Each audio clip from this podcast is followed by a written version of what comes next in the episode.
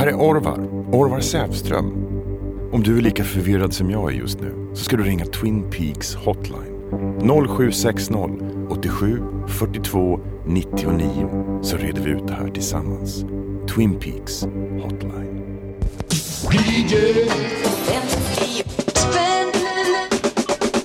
Det här är det 90 avsnittet av DJ 50 spänn. Och du kommer alldeles strax att få höra mig prata med filmaren Göran Hugo Olsson. Du vet, han som gjorde dokumentärerna The Black Power Mixtape, Billy Paul-rullen Am I Black Enough For You, arkivgrävet Concerning Violence och även den gamla Leila K-filmen Fuck You, Fuck You Very Much. Det blir stories om att humpa för Tina Turner, om att få en Prince-dokumentär nedskjuten av Filminstitutet och hur det var att vara punk på terminerna och discoälskande seglar Brett på somrarna. Men innan vi sätter igång, här kommer det ett brådskande meddelande. Nu på lördag, alltså den 27 maj, så spelar skivgrävarguden Andy Votell på At Six Listening Lounge i Stockholm. Och jag är inbokad för att göra ett bonus DJ 50 spänn live med Andy som uppvärmning inför hans DJ-set. Det här är alltså en sista minuten-bokning.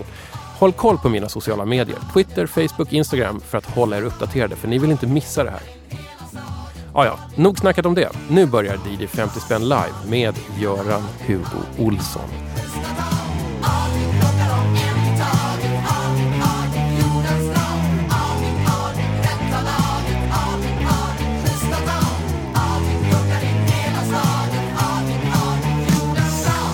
Jag eh, hade tänkt säga någonting. Vad kul att vi är så många här. Så att jag säger istället, vad kul att vi är så få här. Då blir det intimt nämligen. För er som kanske är DJ 50 spänn noobs så kommer jag dra alla så regler och konstiga saker som jag har för mig. Men jag tänkte börja med att säga välkommen till kvällens gäst, Göran Hugo Olsson. Välkommen! Tackar, tackar, tackar. Jag glömde att presentera mig själv. Jag heter Tommy Jönsson, ni kanske visste det. Hur känns det att vara här Tommy Jönsson? Det känns bra. Hur känns det att vara här, Göran? Ja, det är bra. Jag är lite nervös, men, ehm, men det ska nog funka. Jag har aldrig sett på dig som en nervös person. Ja, då titta lite nu då. Hörru, lite sån här uh, inforuta om dig. Filmare. Dokumentärfilmare främst. Jajamensan. Uh, du är en sån här som ibland får dina filmer premiärade på Sundance-festivalen. Mm, Jag, tänk, jag tänker bara att vem som helst med en iPhone kan kallas för dokumentärfilmare idag. Ja, rightfully so. Eh, Det är det Du, som du, du, ja. du tycker att det är en bra Ja, det tycker jag absolut. Ja, Ja. Har du med dig såna här fem skivor för en 50-lapp? Ja det har jag. Mm. Det var ett superböket att få tag i dem. Jag kämpade. Få höra. Ja, men jag, är ingen, jag är ingen skivnörd och jag jobbar med musik men jag är tondöv och rytmdöv och har ingen koll. Men jag använder musik och älskar musik som alla gör. Mhm. Och jag är inte i skivaffär. Jag insåg det igår när jag gick in på Pet Sounds och att jag aldrig hade varit i en skivaffär själv. Jag är Mm. alltid där med en som en kompis. Precis. Så här, här är in lite insider-info. Vissa av er som sitter här vet att Pet Sounds ett tag har haft en, eh, liten bunker, en källare, öppen. Eh, och allting kostar fem. Det är som att gå ner i ett soprum fullt med vinyl. Och man kan hitta väldigt random grejer. Men Göran, du blev nobbad. Ja, Jag fick nobben direkt. Jag liksom vågade mig fram till disken. Jag vet att han är jättetrevlig, den här, liksom, men skulle jag kunna få gå ner och, Tommy har ringt. Glöm det, vi har inventering. Kom Mm. tillbaks imorgon. Och till saken är att han stod framför, han stod och filmade affischen med- för min film. Men jag vågade inte göra någonting. Jag bara smet ut därifrån. Gick till Stadsmissionen och, och letade och hittade bara Magnus och Brasse skivor. Det var... Har du med den Magnus och Brasse? Nej för fan, jag blev så... Jag, blev så jag har ju lyssnat på din podd länge. Mm. Och, och då, det, det är en liten felaktig bild som spelas upp. Att det finns massa bra skivor som är billiga. Det gör det inte. Det är skit. All, Ja. alltså, och så är det så här, Rod Stewart liksom flera decimeter. Och sen blev det Magnus och Brasse. Och sen blev det eh, Jackson Brown. Och så blev det Magnus Ja. och Brasse igen. Ah, ja. Men sen kommer till Vinylmania. Mhm. Och de hade 10 kronor längst ner. Och då var det jättebra. Mm. Jag, fa- jag fattar inte grejen. Men jag fick jättefina skivor. Verkligen. Mm. Så du, du är lite nöjd i alla fall? Jag är supernöjd. Ja. Men jag ska säga att det är inget, det, inget jag rekommenderar. Hörru, vi ska alldeles strax börja spela din bunt på fem skivor för 50. För det är så det går till här, DJ 50 spänn. Jag drar det här nu. Så att alla är med. Du har fått ett uppdrag Göran. Och det var att köp fem eh, loppis eller skivbörsskivor för max 50 kronor. Då får man rota i dyngan helt enkelt. Sen tar du hit dem. Här står de. Vi spelar ett spår från varje och så pratar vi om vad musiken för oss in på. Jag känner mig ganska trygg med det. Känner du dig trygg? Ja, toppen. Behöver vi presentera dig något mer? Nej. För jag tänkte så här att vet så här, DJ 50 spänn crowden vem du är? Jag det, tror, jag, nej, det tror jag verkligen jo, inte. Jag, jag, jag kom på det för att jag satt i förrgår och surfade på internet som man gör. Och så tänkte jag så här, fan hur ska jag kunna se den här gamla Leila K-dokumentären Fuck you, fuck you very much? Ja, just det. Gissa var den ligger? På Youtube. Jajamän, hela filmen. Ja, gud ja. Det var, det var ett härligt återseende. Jag kan berätta för er som är skivnördar. Det var så här att varför den ligger där var för att Fredrik Strage skulle göra en lista på de bästa Youtube-ögonblicken. Och Leila-filmen var etta eller tvåa. Men den fanns inte på Youtube så han la ut den. Med Alltså, mitt goda minne. Och sen labelade han det som det bästa som fanns där. Mm. Känn på den. Ja, den är ju, det är hundratusentals tittare. Så det är ju, Ja. jag, har inget, jag, alltså, så här, jag kan inte lägga ut mina filmer men när Mm. andra gör det, jag, I don't care. Det är Ja. jättebra. Du gör ju ganska allvarliga dokumentärer med mycket arkivgrejer, men du har också en fot inne i musikdokumentärer. Mm. Någonting som jag älskar. Jag tror att vi kommer komma in på det. Men, ska vi köra igång din chansning här så att det blir lite musik och inte bara babbel? ja. Jag köpte en skiva som jag bara chansade på. Den, Mm. mm. Håll i er! Chansningen. Goodbye, baby, you're driving me crazy. Goodbye. You thought you had me baited, but I was infatuated. Goodbye.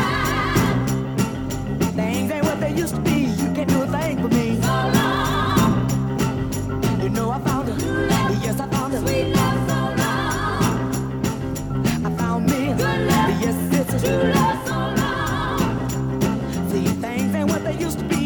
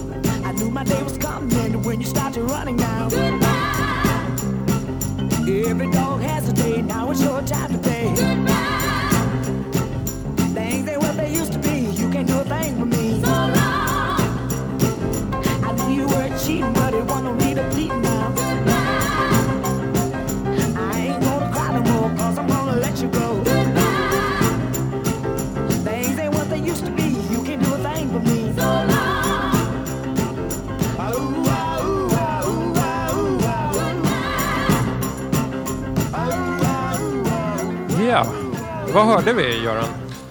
Det var Ike och Tina Turner, So long goodbye. Eller Goodbye so long heter den kanske. Ja, det, jag gillade att den gick i någon slags eh, stomp-takt, nästan tvåtakt. Eller D-takt heter på det. Ja. Hörru, vad, vad är det för skiva som Alltså du har det är en chansat på? film av ehm, Paul Schrader som heter Blue Collar som är så konstig film för det är en studioproduktion från 75-76 kanske som handlar om eh, facklig aktivism i bilarbetar Detroit. Håll upp det där omslaget. Och det är Harvey Keitel och Richard Pryor som spelar huvudrollerna. Eh, jag, jag såg halva idag. Eh, Mm. den, den är riktigt annorlunda. Och det, finns, det var också ett tillfälle då Richard Pryor hotade Paul Schrader med en pistol. Med att om han tvingades göra mer än en tagning så skulle han skjuta ihjäl Paul Schrader. Du, du som regissör, vad, vad känner du när du läser sånt? Jag kan känna lite med Paul Schrader. Han, han, han övergav regiyrket efter det i, i många år. Han fick Ja. ett nervöst sammanbrott. Ja. Richard Pryor var ju en liten vilding om man säger. Mm. Men han var ju också väldigt viktig. Okej. Ja. Men det här var ju kul. Du kommer med ett eh, soundtrack till en film som jag aldrig någonsin har hört talas Nej, om. Va, var det är- här en flopp eller var det... Ja, ingen aning. Men den är, den liksom, jag kollade lite grann och Spike Lee har listat den som en av hundra filmer som alla filmskapare måste ha sett. Okej. På vilken Låt plats av hundra? Ja precis. Det, om du ska göra film då måste du se den här. Om du, om du har sett hundra filmer då Ja. är det en av dem. Men hörru, vad, vad var det som fick dig att chansa på den här då? Ja men det var liksom setupen och, och sen så stod det liksom... eh, Nej jag bara chansade. Jag tyckte det var liksom en film som jag inte kände till.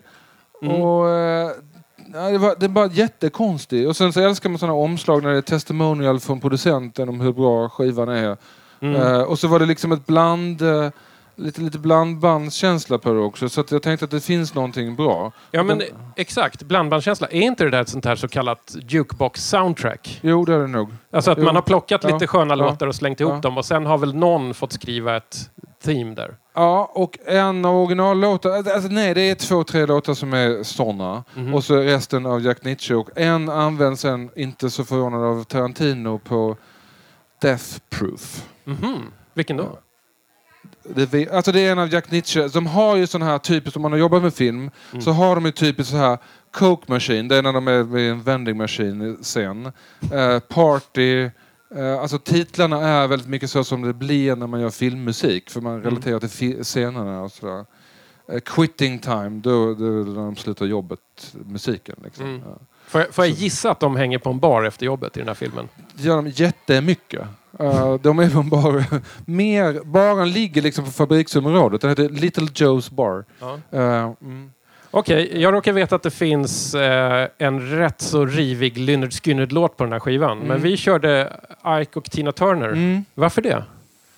Ja, Jag tyckte den var bättre. Jag gillar inte Lynyrd Skynyrd jättemycket. Uh, så gillar jag uh, Tina Turner. Henne gillar jag. Ja. Ja. Mm. Precis innan du dök upp här, eller innan vi satte igång här, så eh, bara sa du förbigående, jag har ju träffat Tina Turner. Ja, alltså och så sa träffa- du inte mer, berätta nu. Det var ju som jag träffade henne. Alltså, nej, jag var, jag var humpare på 80-talet i Lund, på Olympen. Ja. Och då spelade hon där och vi humpade ut alla. Men efter, efter spelningen så var jag i omklädningsrummet och då kom hon fram. Hon gick ut och så kom hon fram och så tog hon mig på kinden. Och så gav hon mig sitt gummisnodd. Det här var Private Dancer-turné när hon hade Ja. liksom hästsvans halva och så. Ja. Och jag, var väldigt, jag blev väldigt glad för det. Men, men hur gammal var du då? Jag var 15 och hon var väl 55. Mm. Hur kändes det att bli nuddad av Tina Turner? Jag, kan- jag lever lite på det fortfarande. ja, men hon, var väl, hon var precis som man tror. Då var hon hade flyttat till Tyskland och blivit buddhist och hade kommit ut som eh, den här liksom destruktiva eh, relationen och liksom allt var öppet. Hon var så Mm. skön och hon var precis så där som man trodde. Liksom, fin och bra och otrolig energi och fantastisk på scen och allting. För att man jobbar på konserter, man blir, det var inte, inte så ofta man blev berörd av musiken. Men, nej. Och den skivan är också jättefin. Jag, jag är ganska svag för Private Dancer-skivan. Ja, vem behöver ett hjärta när ett hjärta kan gå i tusen? Exakt. Eh, den låten används helt fantastiskt i den här konstiga Måns Månsson-filmen Hassel, Privatspanarna. Ja, Sven Anér, alltså Ja. en nestor inom privatspanneriet, Ja. åker färdtjänst och så lyssnar de på den i tunneln under Stockholm. den Jag, jag kan inte förklara varför, det är vackert. Ja, det, är, Väldigt vackert. det är också den enda svenska långfilmen som är inspelad på Super VHS. alltså det är ett, ett samtida medium som den gestaltar. Ja. mm. Mer 10 kronors trivia om Private Dancer-plattan. En låt är i praktiken en Heaven 17-låt med Tina Turner på sång. Kolla upp det. Den kostar 10 spänn ute i loppisen. Ja, den finns nog mycket också. Jag såg inte den Det- nu. du måste ha sett den. Ja, den. Har vi pratat klart om Blue Collar eller finns det mer att säga om den? Paul Schrader. Jo, men det, det roliga är att han, hans claim to fame vid den punkten var att han skrivit manus för Taxi Driver. Det var Ah. nog också, Harvey Keitel spelar ju uh, Sutter Halleck i, i den. Eller är det den? Jo, det är den. Uh, ja, det Jag, jag kan inte fuskgoogla det är det. IMDB. Vi Ja. säger att det är så. Judy Fosters Halleck. Och eh, han har långt hår och spelar så latino Halleck. Det är liksom inte jättebra, men det funkar. Här funkar det inte lika bra. Men eh, det konstiga är att de tillverkar alltså såna här, de gamla bulliga New York taxis, checker taxis. eh, Ja, checker ja. taxis, Ja. I den här fabriken. Det är det de gör hela dagarna. Mm. Och Richard Pryor får inte ha något hänglås på sin locker. Eh, och det är det han gör uppror. För han skär fingret varje dag han försöker ta upp sitt liksom, Mm. Du, ehm, Det finns ju en kategori som du ska liksom leta skräpskivor i som kallas för nostalgiskivan. En, en, en skiva som har funnits i ditt liv förut, eller åtminstone en låt Mm. som har funnits i ditt liv förut. Vi kör väl en sån va? Det gör vi. Nostalgiköpet. Jag, jag har ingenting att säga. Vi njuter av musiken.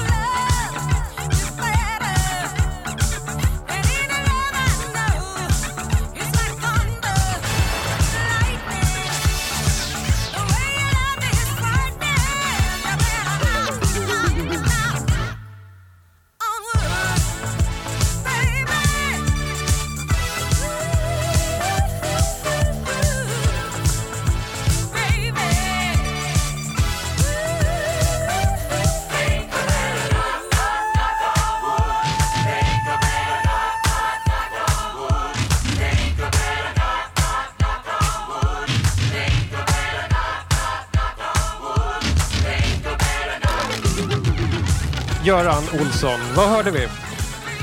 On wood med Amy Stewart. Jag var lite skeptisk till den här innan. Jag- Det kan jag lugnt säga här att jag var inte jätteglad över att jag hade hittat den här för jag tänkte, gud vilken uttjatad låt. När du drog upp volymen på den här så kände jag att fan, den har ju någonting. Ja, jag älskar den. Varför älskar du den här? Ja, men det är två saker. För det första var det liksom, när jag var liten då, jag var 14 kanske när den här kom. 12, tre- alltså den, när jag upplevde den, jag levde ett dubbelliv. På vintern var det så här punk och subkultur. På sommaren var det så här seglarkultur. Och I seglardisco så var det här the shit. Eh, Vadå? Alltså, lä på läsåret, Ja, punkslyngel. På Ja. sommaren, seglar Brett. Ja. exakt så var det. Jävlar! Och jag, Berätta mer. Ja, jag har kombinerat det. Och jag tänkte fortsätta med det. Nej, och då var det så här, ja i Marstrand, även så här i Stockholm, på seglarfester, då var det Knock on Wood det absolut, eh, det var liksom sådär, ja. Och sen, då älskade jag den och alla älskade den. Men sen så när jag träffade mitt livs kärlek, eh, då blev det vår låt. För jag gjorde en film till Fatima. På, med den här ja, som soundtrack. Mhm. Mm. Det här är supernostalgi, på dubbel nostalgi för mig. Stämmer det Fatima? Fan vad fint. Ja. Mm, Men jag vet inte, vad säger Du blev lite tyst här. Ja, men jag försöker bara... Du trodde bara att det var ett, ett, computing, Liksom, ja. ja. Och sen, ja, Bowie har gjort en cover på den som är inte lika bra, men den är Nej. också fin. Nej, men den har en ganska vass saxofon. Och ja, det, det som är fint med uh, Bowies version är att han säger innan Some silly ones. Och jag tror att han ångrar det, för jag tror inte han menar det. Han bara säger det. Han spelar Mhm. lite, så här, lite silly ones. eh, Mm. Men jag tror att, det, att han älskar den här lika mycket. Mm. Eh, och så råkar han säga det och då blir det också så här, då, man kan råka säga saker eh, fel sådär, Mm. tänker jag, när jag, lyssnar, när jag hör han säga det. En sak som jag tycker är kul med sån här dussin disco LP, det får man ändå kalla den. Just det här dussin disco-genren är ju att man kan plocka upp de här för små pengar och sen eh, så funderar man så att det måste ju finnas ett bortglömt jävligt coolt spår någonstans här som alla bara har glömt bort att det är jättebra. Jag försökte hitta det på den här. Jag kan inte säga att jag gjorde det. Eh, men det finns ju säkert någon här inne. Tony, Masud. Om du lägger ner telefonen. Finns det ett guldkorn på Amy Stewarts Knock on Wood-album? Nej. Jag tänkte att Ja, jag skulle använda det. er som Google liksom här, Ja. eller Discogs. Men, Ja. ja. Men för att, det var ju det som var fördelen med vinyl också. Man satte på dem och sen så råkade man lyssna på det och det bara gick liksom. Mm. Och det händer ju inte längre för nu liksom har man ju sina playlistor. Liksom. Man hittar, i, alla fall för mig så blir det inte samma att man råkar på det. Att det bara kommer Mm. över en. Att man lyssnar på alla låtarna lika mycket. Eftersom det var lite, är ett bök att gå upp och sätta på och stänga av och allt det där. Eh, så lyssnar man ju på alla låtarna på ett annat sätt och upptäckte. Mm. Och eh, jag vet, när, när, förr i tiden så hade jag också en, en, en högtalare i köket, men det var bara en kanal. Eh, och då kunde man höra vissa beats som bara låg frilagda på en kanal. Ja. Eh, alltså, och, och upptäcka musik som man kunde använda i film på det sättet. Ja, till exempel början på Leila-filmen är det faktiskt You can't always get what you want med Stones med ett sånt där valthorn som bara ger, eh, Mhm. det ligger separerat i en kanal. Ja, och det ja, hörde jag när jag diskade. Och, Och då använder du det helt enkelt? Ja. Och det var på den tiden var liksom, man ringde dit och sa "Ni- du kommer aldrig få rättigheterna. Eh, säg inte att jag har sagt det, men skit i det. Det kommer ta dig sex månader att få ett nej från Stones. Skit i det. Men vi, ja, men Ni ja, körde? Ja, vi körde. Och ni har än, än, inte, än så länge inte fått något jobbigt brev? Nej, men kanske kommer nu. Hörru, nu är vi inne på eh, det här gräva i gammal musik. Eh, det gör ju du ibland, det vet jag. Du har till och med gjort en film när du gör det. Om Billy Paul. En soulsångare som man nästan kan beskriva som en parentes i musikhistorien. En jävla fin parentes, men Alltså jag fattar inte varför han har det epitetet. Han är liksom en av de största någonsin. ja. His Royal Highness Billy. Dels har han en fantastisk röst. Dels har han gjort fantastiska, alltså så många fullängdsskivor som bara är Mm. flawless. Så han bodde, här, till den första skivan, han bodde i ett kollektiv med eh, Richard Pryor och Sly Stone i Mm. Hollywood. Mm. Eh, jag tror att det är ett av anledningarna till att han gick bort sig ett tag liksom, och blev glömd av sitt skivbolag. Eh, för han Mm. var, de var lite bökiga, de där tre tillsammans. Eh, kan man ju tänka sig. Mm, Hur var- hittade du till Billy Pauls musik då? det var För jag tror inte att du lyssnade på det 72 när han hade sin stora hit. Nej, det gjorde jag inte. Alls. Eh, nej, nej, det var så det var lite loppis grej fast i USA för uh, kanske för 20 år sedan. Alltså stoppa på bensinmack och köpa en Philly Soul Mhm. och slänga i och köra bil i Amerika. Och så bara, vad fan är det här för någonting? Och då alltså upptäckte jag Philly Soul och Billy. Och sen gjorde vi en reklamfilmskampanj som var typ Sveriges längsta med Your Song. med Billy. Och sen gjorde jag en film om honom. Ja. Vad, vad är grejen med Billy Paul då? Varför älskar du... Hur kommer det sig att du började älska hans Det är tre saker. Dels är det liksom Philly-soundet. Och, så, och i det ingår, kan man säga, eller till det finns ju det här det politiska budskapet liksom invävt i liksom fantastiska liksom, Mm. arrangemang. Mm. Och, sen så eh, är det Billys röst. Han har en fantastisk platt röst. Ja, det, Ja. det kanske är platten är. Ibland tänker jag att han är en sån här som låter som att han har lite grann ett, ett dragspel nedkört i hela andningsapparaten. Ja, kanske. Ja. Någonting med soundet som känns liksom lite belg... Nej, glöm det, glöm det. Ja. Hörru, eh, Göran, jag, jag bad dig ta med en eh, skiva hemifrån, ur din Mhm. egen samling. Den är väldigt otypisk Philly. eh, Den är mycket mer poppig och lätt. Eh, ja, och opolitiskt på ytan. Opolitiskt.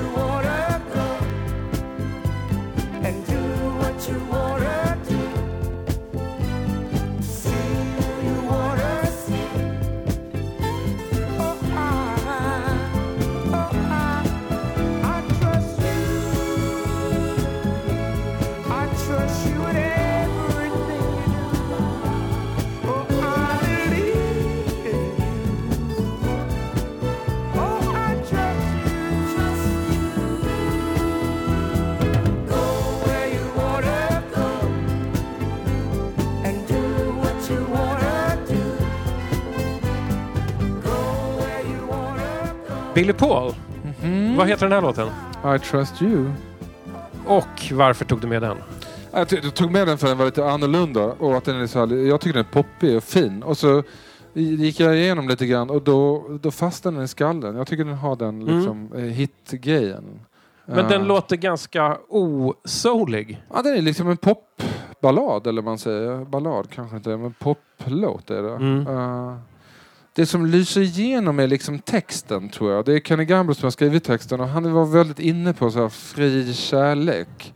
Eller, eller bigami eller liksom, ja, mycket. Han, han var liksom intresserad av det. Han som ägde skivbolaget och alltså liksom Stickan Andersson i, i Philly kan man säga. Ja. Ja. Vill han, han kunde, ville gärna ha fler än en fru?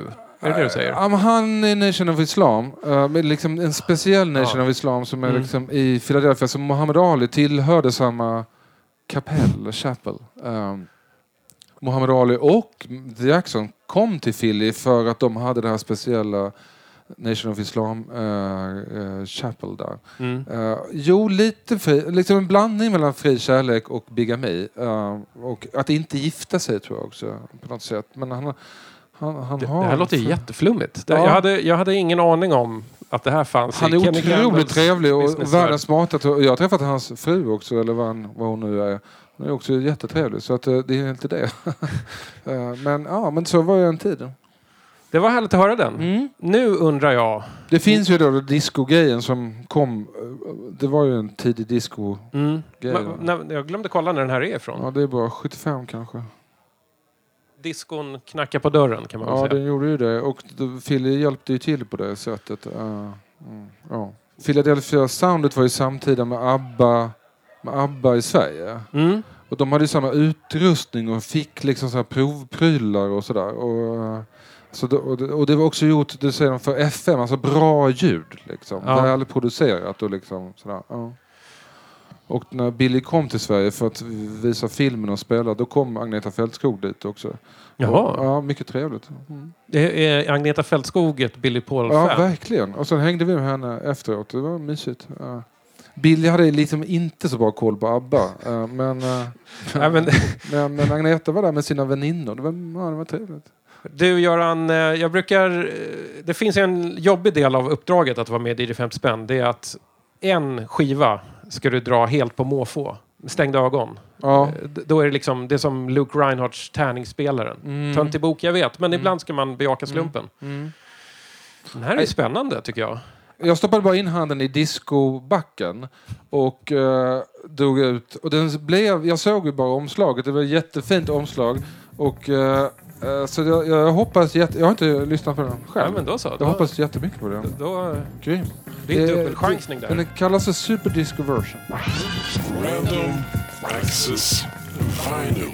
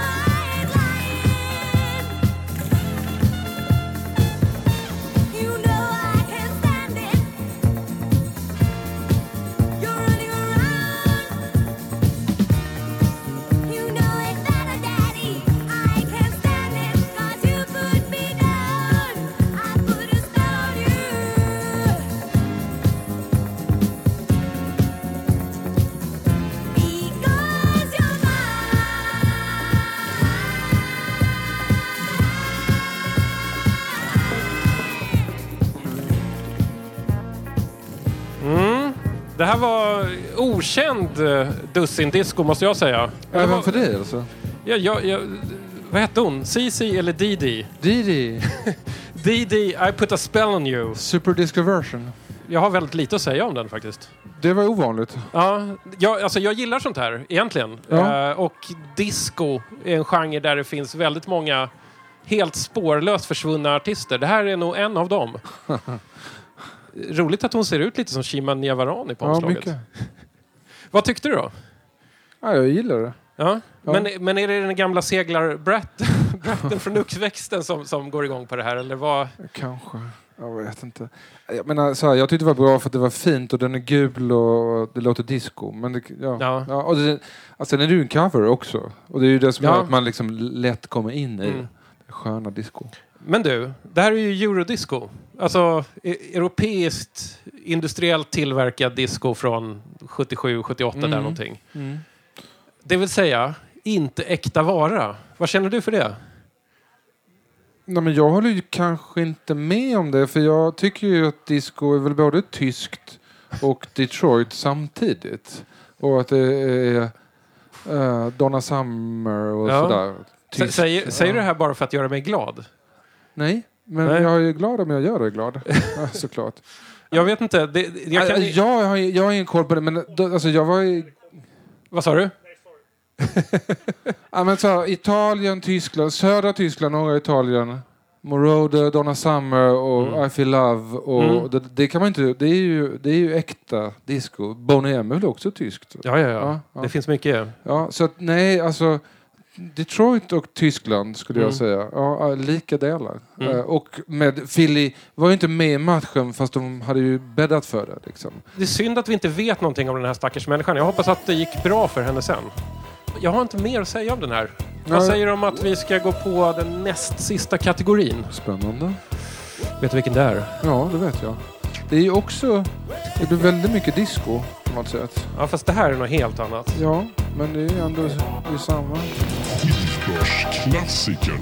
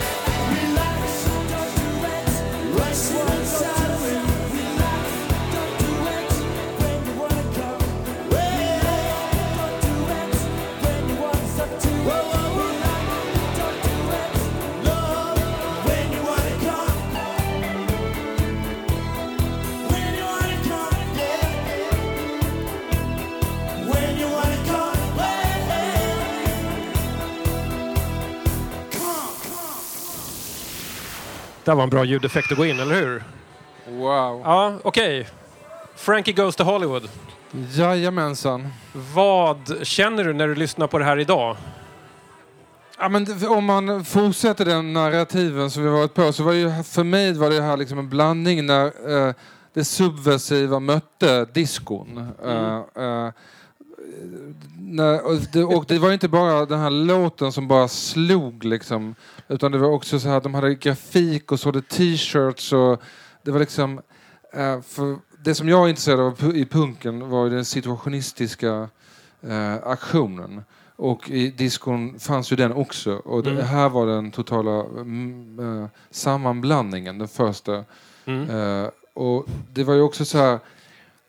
På 80, man letade, man, man gillade allt som var subversivt. Det spelade ingen roll vilken subversivt det var. Men man liksom bara, ah, så här, gay eh, England, bara, vi bara älskade det. Liksom. Eller, Ja. eh, det knöt an till så här filmer man gillar, liksom, så här Kenneth Mm. Anger och, sådär. Alltså det, alltså det är inte yuppie 80-talet utan vi snackar liksom det Nej. lite Ja, smutsigare det. 80-talet. Ja.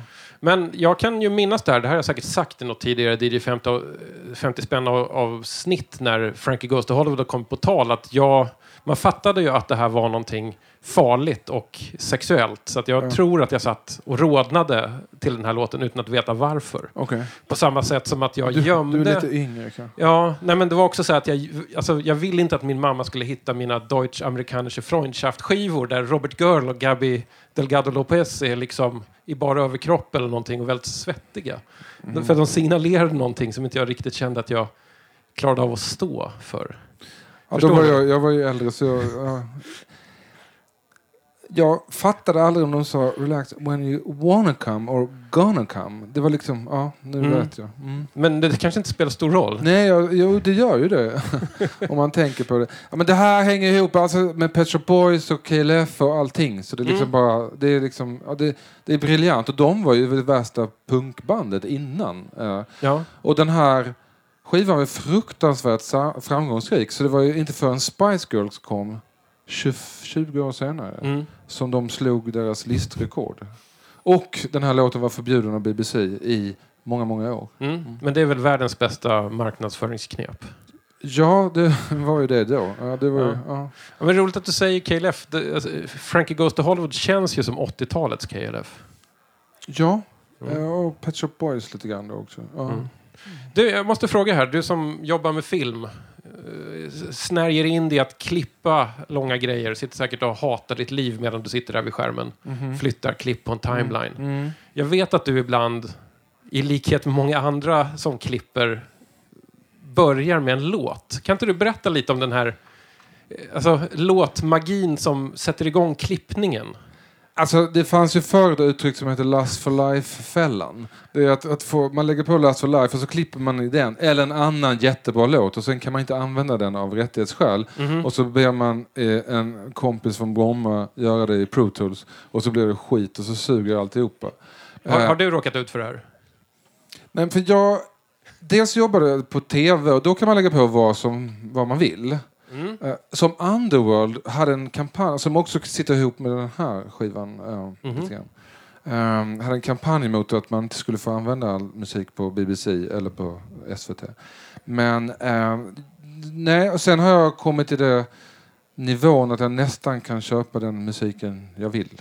Eh, Och då menar du köpa, alltså Ja, just det. rättighetsköpa? Precis. Ja, att Mm. använda det. Men visst, det är ett jävla bök och, och det blir ju svårare för varje dag att få loss musik och dyrare och dyrare och dyrare. Mm. Eh, Men eh, det är så jag använder och lever musik. Jag letar efter musik och när jag hittar låten, då klipp, det, det är det första jag gör. Jag hittar låten och sen klipper jag till den musiken. Sen kan jag ta bort den ibland eller tona ut den och sådär. Men för mig började det med nästan oftast med musik. Men det här tycker jag är jätteintressant. Kan du inte berätta om någon sån låt som du har börjat med som har blivit någonting helt annat sen? Nej, jag kan berätta om tvärtom. För nu börjar jag tröttna på att popmusik eller liksom bra popmusik, kvalitetspopmusik överanvänds i tv-serier. Att man Mhm. lägger på det liksom. Det började med Sopranos tror jag, när de hade liksom en bra creddig låt på olika varje slut.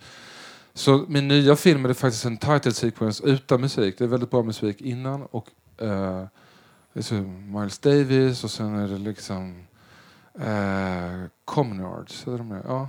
Och sen, Ja, 80-talsbandet Ja, kommer precis. Nörd. Ja. eh, som gör en Gershwin-cover. Ehm, men själva title sequence, som är ganska lång, är utan musik i min nya film. Så, ja. så det, var, det var inte svaret på din fråga, men det är så det ser ut nu.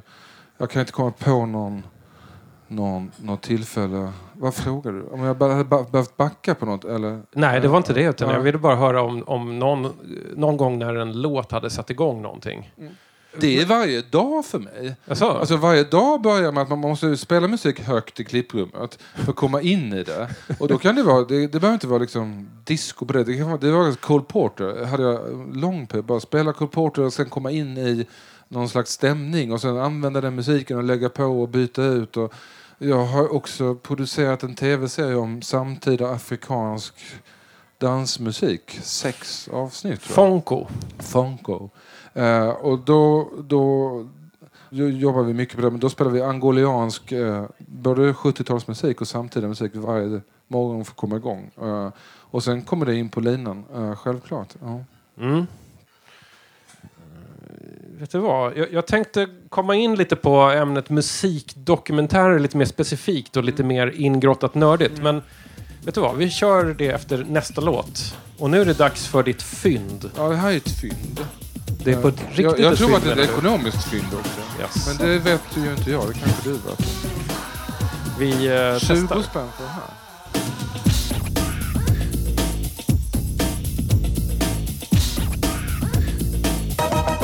Fiendert.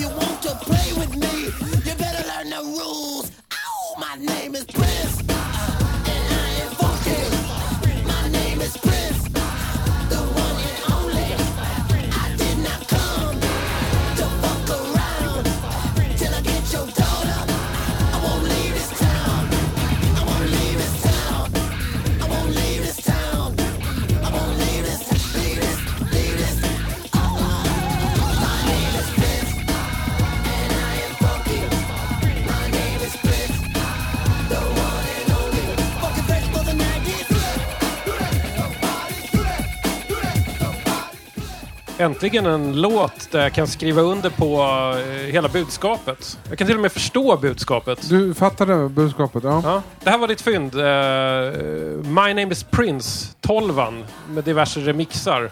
Vad fick du ge för den? 20 spänn. Det var väl ganska bra. Jag trodde den var, jag trodde den var felplacerad. Ja, jag, jag vet vad? Jag, jag kollade på discogs.com-sajten. Den skivan som faktiskt var listad högst av de som hade med det, det var Ja. ju din Random, den gula. DD-skivan. Men Discogs säger inte sanningen. Nej. Det är bara att någon människa vill ha Ja, ja, jag fattar. Vad vill de ha för den då? 120 eller 150 spänn för den. Och den här... Den här var 20, 20? 30. Ja. Ja. ja, ja. Varför är det här ett fynd för dig? Ja, men det är ju det är superbra låt och den ligger liksom på något sätt mitt emellan olika perioder för Prince och den liksom sammanfattar. Och ja, det är en bra text också. Ehm, Ja, och så här, vad man älskade och vad jag saknar, både med CD-singlar och uh, vinylsinglar och 12-tummare, var ju de här versionerna. Mm. Att man fick en bra låt och så fick man en eh, instrumental.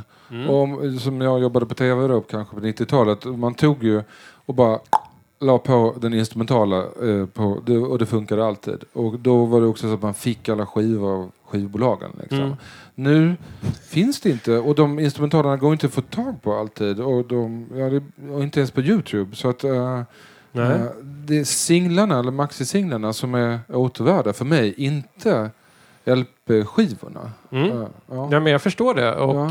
det är ju fantastiskt att det ofta fanns en instrumental, det fanns en Oh dub, ibland God. fanns en a cappella. Det var fantastiskt. alla Biggie-plattor, bara en instrumentalversion. Du kan göra det till vilken film som helst. Det är bara att lägga Mm. på. Ja. Men jag brukar säga det till folk som så här, jag har funderat på att slänga ut min CD-samling. Och så, Ja. men behåll CD-singlarna Ja, som ja. du förmodligen Ja. ser som mest värdelösa. För Ja, det är där alla ja, remixarna ja. finns. Och De, de kommer aldrig upp på Ja, de streaming-sajter. finns inte. Ja, Det finns inte. Och jag tror ofta att de använder samplingar som de inte kan. De kan inte ge ut det igen, Mm. även om de skulle vilja. Eh, så det är... That's a holy grail. Mm. Inte de där fina albumen från rock'n'roll-åren. Live at Ja, ja, ja. Tracka mig bara, gör det. Eh, hörru du, vad betyder Prince för dig då? Man måste prata lite om Prince. Mm. Krumeluren. Eh, alltså, han betyder ju supermycket för mig. Och, eh, Mats Nileskär och jag skulle göra en, en film om Prince. Och vi hade, att det här är alltså inte jättelänge sedan, fem år sedan kanske. Jaha. Och faxade. Och Det var kommunikationssättet med hans farbror eller pappa eller bror, alltså någon släkting, familjemedlem. Fram och tillbaka, fax och fax och fax och fax och så fick vi komma dit. Och då, eh, men då fick vi inte pengar från Filminstitutet för att göra en, en, eh, en film med Prince. Och det var liksom, det, jag är bitter. Vänta, vänta, vänta, vänta. Det går att sälja in en film om en bortglömd, ganska bortglömd soulsångare som Ja. Billy Paul. Ja. Men det går inte att sälja in en film om Prince. Nej, så är det. Eller så var det. Eh, ja, så är det. Mm. Uh, därför då blir det liksom kommersiellt på något sätt. Jag, alltså, jag kan inte säga varför det inte gick. För, för mig, jag blev så fruktansvärt upprörd. Så att jag till denna dag eh, eh, eh, är väldigt elak mot denna individ som... som, som är en stackars filmkonsulent Oh här. my god. Uh, alltså, nej, jag kan göra vad som helst med honom. För det var sån slap in the face. Så det var, eh, det var otroligt. Nej, de gillar inte det. Och det var inte så heller att vi, oh, vi vill göra en film om Prince. Det var liksom, jag tyckte ändå att jag hade lite cred. Vi hade gjort en film om, om Black Power Mixtape som hade visats på bio i 25 länder över hela världen. Mm. Och Mats Nileskär har jobbat i 260 år och, och få upp den här kontakten. Eh, och, ehm, och det var inte bara att vi ville göra en film om Prince, vi skulle göra en film om mystik. Det var, liksom, det, var det som var, och Mm. att Prince är den enda, så här Marlene Dietrich, Greta Garbo och Prince. Det finns inte så många som är som odlar mystiken eh, eh, som man skulle vilja. Och, och jag var intresserad av mystik. Mm. Eh, och intresserad av Marlene Dietrich och, och sådär. Och, ehm, Ja, nu blir det Nej, ju det blev ingenting. Och jag, nej, jag, jag, jag, blev uppe, jag, blev, jag blev så upprörd så jag nästan vill, vill gå härifrån. Jag blev, nej, f- ofattbart. Nu, han ska liksom sätta sig i stupstocken eh, varje dag, den här människan. Ja. Mm. Eh, Ska vi så prata om något trevligare? Ja, mycket gärna. Men, Musikdokumentärer. Ja, ja just det. Det här ja. älskar jag. Mhm. Jag bad en eh, programmerar... Nej, jag bad honom inte ens. Han gjorde det på eget bevåg. Mm. Jag twittrade ut någonting om så här, vad är det för artister som alltid sticker upp sitt talande huvud i musikdokumentärer och liksom berättar och intygar varför andra artister är så viktiga och bra. Boom. Och jag, för, ja, men jag föreslog eh, Derek May. Så fort det handlar om elektronisk musik, då dyker Ja. technoproducenten Derek May Ja. upp. Lite spinkig kille som sitter Ja. väldigt hopsjunken i en soffa. Och så säger han Ja. i varje dokumentär, som någon har gjort som någon elektronisk musik, så säger han Kraftwerk, those guys, they were funky. I mean, they were German, but they were funky, all right. Och sen har vi Bruce Springsteen, Bono. Questlove, Mm. som du själv har använt som talking head i en musikdokumentär. Ja, två Varför? gånger till och med. Och Questlove, och jag ska, det är inte så att jag tar, tar till mig äran för Questloves eh, media eh, appearance att, mm, eh, överhuvudtaget. Men, men jag tror att vi var först att använda Questlove som en sanningssägare om allt. Mm. Eh, och han är väldigt bra på det. Eh, Mm. vi ville ju till och med göra ett tv-program då, i tio år sedan som är Ask Questlove. Det funkade bra i titeln. Mm. Man kunde fråga Questlove om allting och så svarade han. Det, Eh, det är en jättebra idé. Varför har du inte Ja, gjort? uh, Ask Questlove. Ehm, Men jag alla tror att hans liv blev det sen. Och sen gjorde han musiken till en annan film som jag... Black eh, Power Ja, Mixtape. just det. Ja. Uh, jättebra, Ja. såklart. Varför, varför är han så bra som talking head i musikdokumentärer? Men han är witty och han, är, han kan sin sak och han har ett tydligt perspektiv. Och han är liksom söt och smart. Liksom. Mm. Men han är ju perfekt. Eh, Jag förstår vad du menar. Det finns ju hund, det finns tusentals musikdokumentärer. Men alla som måste komma över en viss nivå, Mm.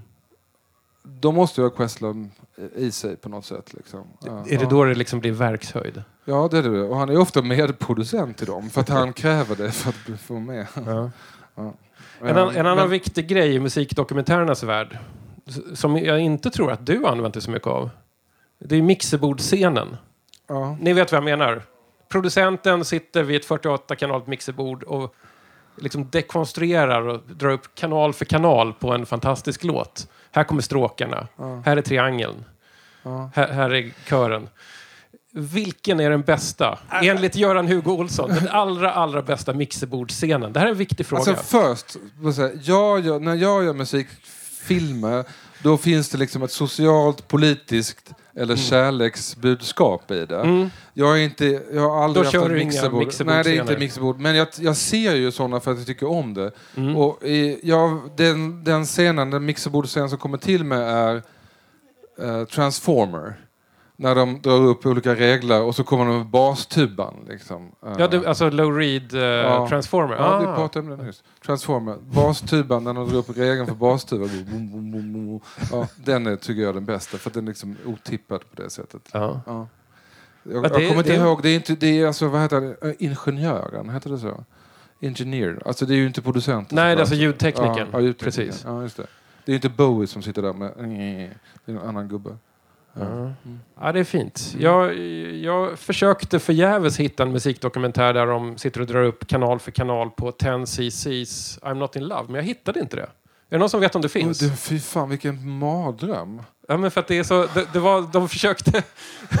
de var tvungna att eh, jobba väldigt analogt med att få till de här konstiga körerna. Ja, jag fattar. Så att jag tänker att det är spännande av den anledningen. Ja, jag fattar. Ja. Det som är fint med Transformer är ju för att de använder andra instrument. Men det är liksom, Mm. ja, så, och, och att bastuban låter så himla fin. Liksom. Ja. Eh, Göran, Ja jag har haft väldigt trevligt här. Jag hoppas att ni, tappra få själar som sitter här också har haft det. Um, det är egentligen bara en sak kvar att göra. Och jag tänker göra det lite mer dramatiskt här genom att du får helt enkelt trycka på knappen. Precis. Lite James Last avslutar alltid. 10 kronors vinylguden James Last. Tack så mycket för att du var med Göran.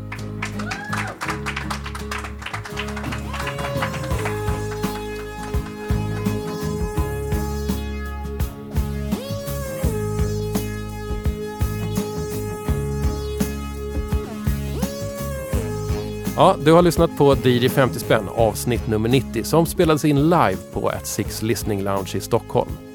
Det kommer bli flera liveavsnitt under året, ett i månaden faktiskt, men med ett litet sånt här sommaruppehåll i juli och augusti. Nästa liveavsnitt kommer bli av runt midsommar. Och det enklaste sättet att hålla koll på när DJ 50 spänn går live, det är att hålla koll på mina sociala medier. Jag finns på Instagram, jag finns på Twitter, jag finns på Facebook, så följ mig där. DJ 50 spänn produceras av mig, Tommy Jönsson, och det snickras ihop på Rundfunk Media i Stockholm. Liveavsnitten görs i samarbete med Hotel at Six i Stockholm. Vi hörs snart igen.